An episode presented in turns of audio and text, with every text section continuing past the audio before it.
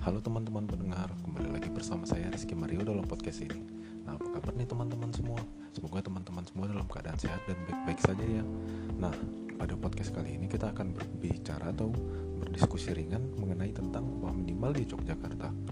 Nah, Yogyakarta ini sebenarnya e, memang sangat memiliki banyak alasan untuk tinggal di kota ini, tapi di sisi di lain sisi juga ada hal-hal yang tidak menyenangkan bagi sebagian orang untuk tinggal di kota ini. Ya, tentu saja upah yang murah. Nah, tapi itulah ajaibnya kota ini upah kota ini itu begitu mengenaskan bahkan bisa saya katakan uh, tidak layak untuk uh, pekerjanya nah untuk uh, berbincang mengenai topik ini lebih jauh yuk kita diskusikan dan pastikan kalian terus mengikuti podcast ini ya teman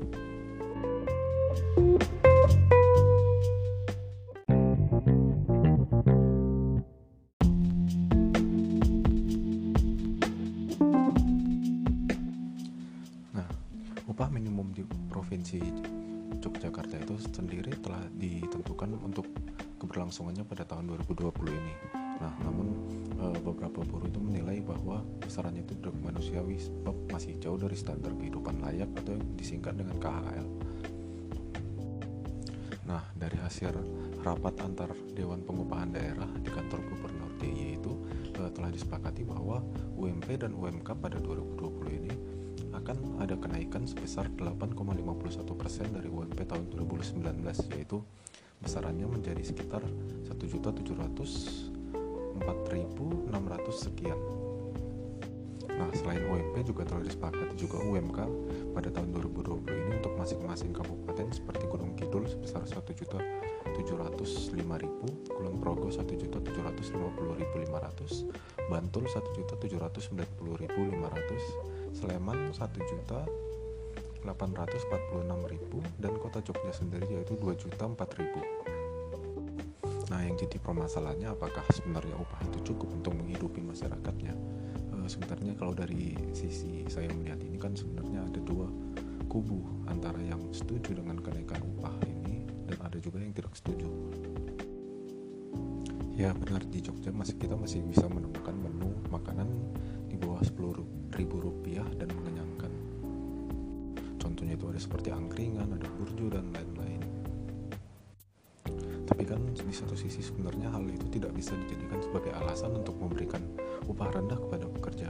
Uh, saya minta kalian membayangkan saja uh, jika kita setiap hari hanya makan dari angkringan dari burjo kita akan mendapatkan nutrisi dari mana baru satu alasan saja belum alasan lain yang lebih logis. Karena kita e, bekerja itu tidak hanya untuk memenuhi kebutuhan perut kita saja. Kita masih harus bill dengan cara membayar listrik. Masih ada harus membayar kebutuhan lain seperti kuota rumah dan cicilan-cicilan lainnya. Dan kalau dari perspektif saya menganggap bahwa e, upah tersebut e, tidak yakin bisa memenuhi itu semua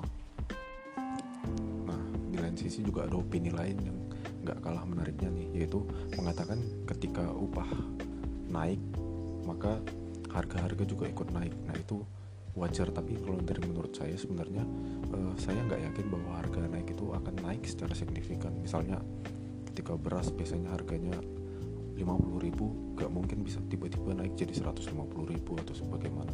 Nah kalaupun jika naik uh, tentu kita juga akan memiliki uang untuk membeli beras tersebut karena upah juga sudah naik. Nah, oleh karena itu sebenarnya e, tuntutan untuk menaikkan upah ini itu bukan karena mereka ingin membeli sesuatu yang tidak memiliki korelasi dengan hidupnya, tapi itu semua dilakukan juga agar kita itu sama-sama dapat memiliki hidup yang layak, baik itu secara ekonomi dan finansial.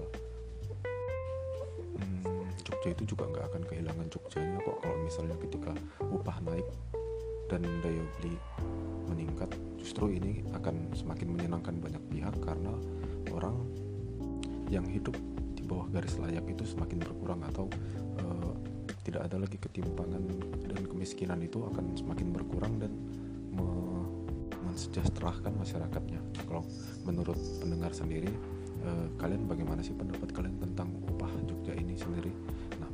Bisa kita diskusikan. Tapi mungkin segitu dulu pertemuan kita kali ini. Saya Rizky Mario, pamit undur diri ya teman.